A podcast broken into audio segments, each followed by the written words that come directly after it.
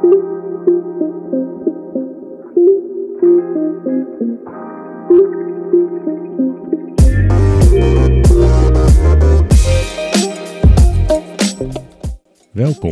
Leuk dat je luistert naar de AMLC-podcast van het Anti-Money Laundering Center.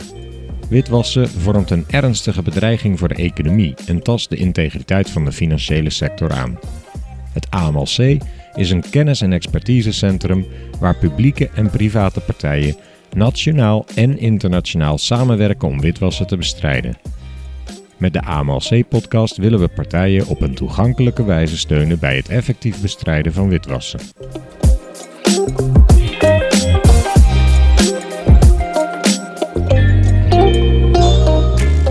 In deze serie korte podcasts behandelen we verschillende vormen van witwassen. In deze podcast bespreken we het misbruik van crowdfunding voor witwassen met Doreen Stali. Zij is sinds begin 2017 topic owner kennis en expertise bij het Anti-Money Laundering Center. Dorine, wat is crowdfunding precies? Partijen die behoefte hebben aan een financiering, die kunnen of willen niet altijd aankloppen bij een bank hè, voor geld in de vorm van een lening.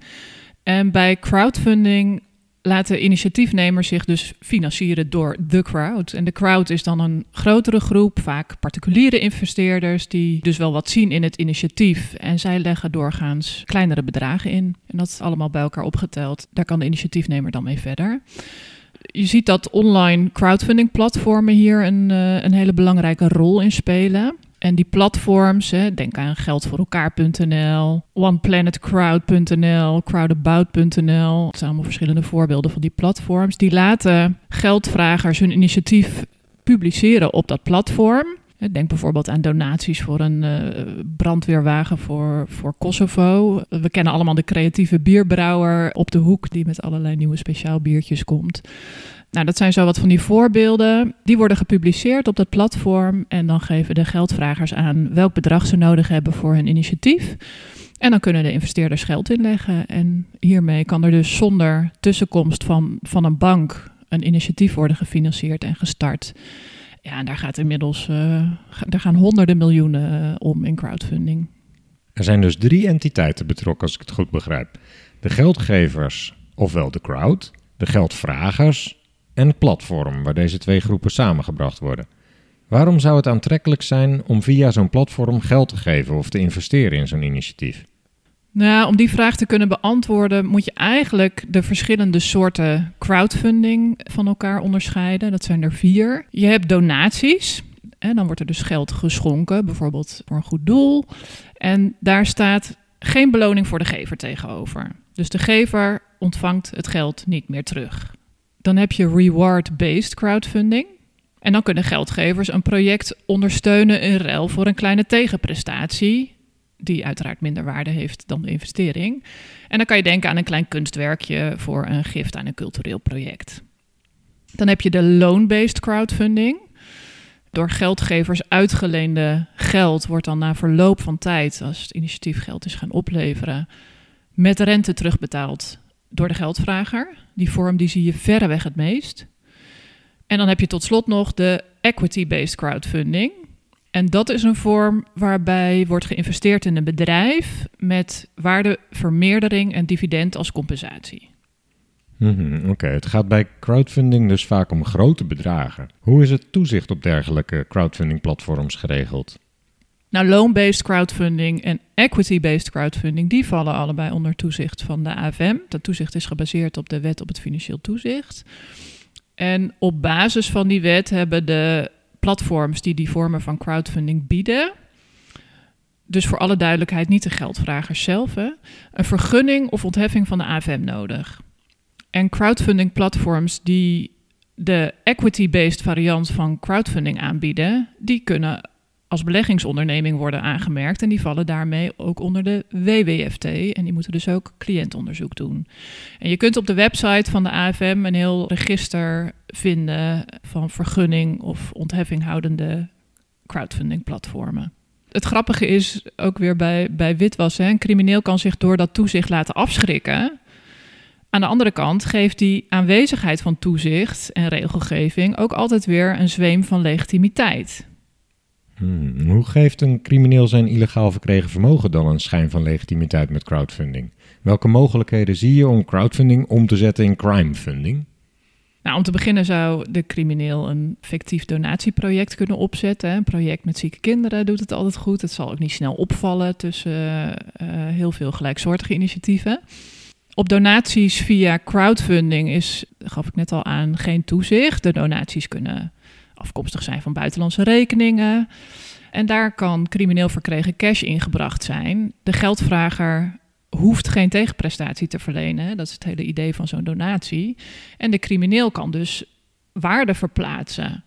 Het nadeel is wel dat er over het algemeen wat kleinere bedragen in omgaan. En ja, de criminele organisatie heeft dus wel een heleboel katvangers nodig om tot een bedrag te komen. En grote donaties, ja, die, die vallen ook eerder op. dus dat is een voorbeeld. Crowdfunding kan ook worden gebruikt uh, om de indruk te wekken dat er een, een geweldig nieuw risicodragend project is gestart. Wat aanslaat en daarmee een flinke vermogensgroei verklaart. Terwijl die vermogensgroei uit crimineel verkregen geld bestaat.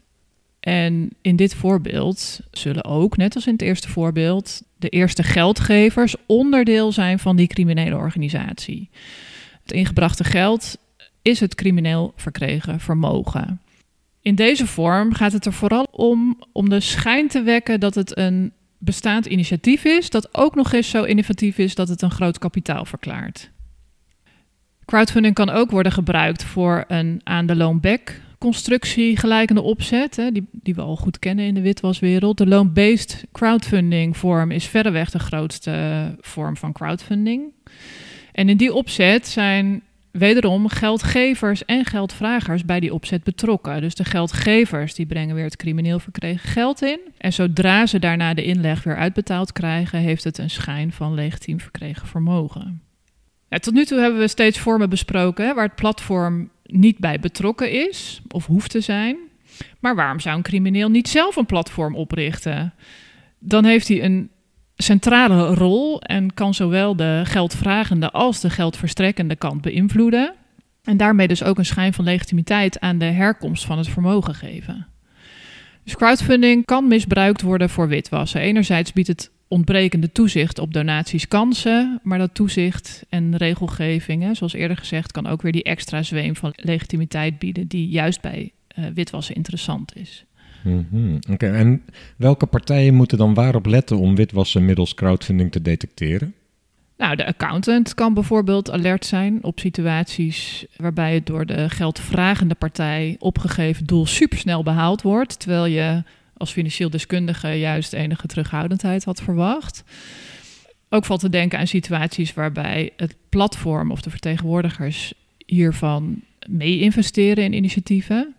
Banken die rekeningen openen voor crowdfunding platformen, die moeten erop letten dat platforms beschikken over de juiste vergunningen en interne procedures waarmee integriteitsrisico's zoveel mogelijk worden gemitigeerd.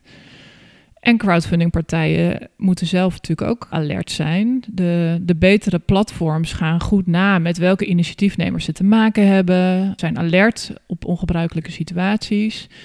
Een initiatiefnemer die een heel hoog investeringsdoel stelt, maar aangeeft uh, te verwachten heel snel dit doel te behalen en dat in de praktijk ook waarmaakt, ja, die zal misschien wat extra aandacht moeten krijgen. En ook partijen die ongebruikelijk hoge rentes aan geldgevers beloven, die hebben misschien uh, andere motieven dan, uh, dan een legitiem doel.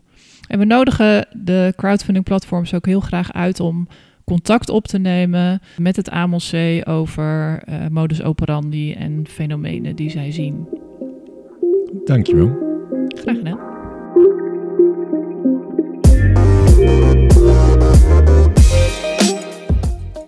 Dit was een aflevering van de AMLC-podcast. Dank voor het luisteren. Wil je geen podcasts missen? Abonneer je dan op de AMLC-podcast in je podcast-app. Wil je meer informatie? Bezoek dan de website van het AMLC op www.amlc.nl. Schrijf je in voor de nieuwsbrief van het AMLC en volg de AMLC-pagina op LinkedIn. Heb je een reactie op wat je hoorde?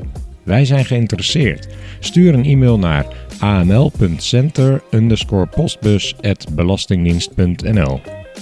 Graag tot volgende keer.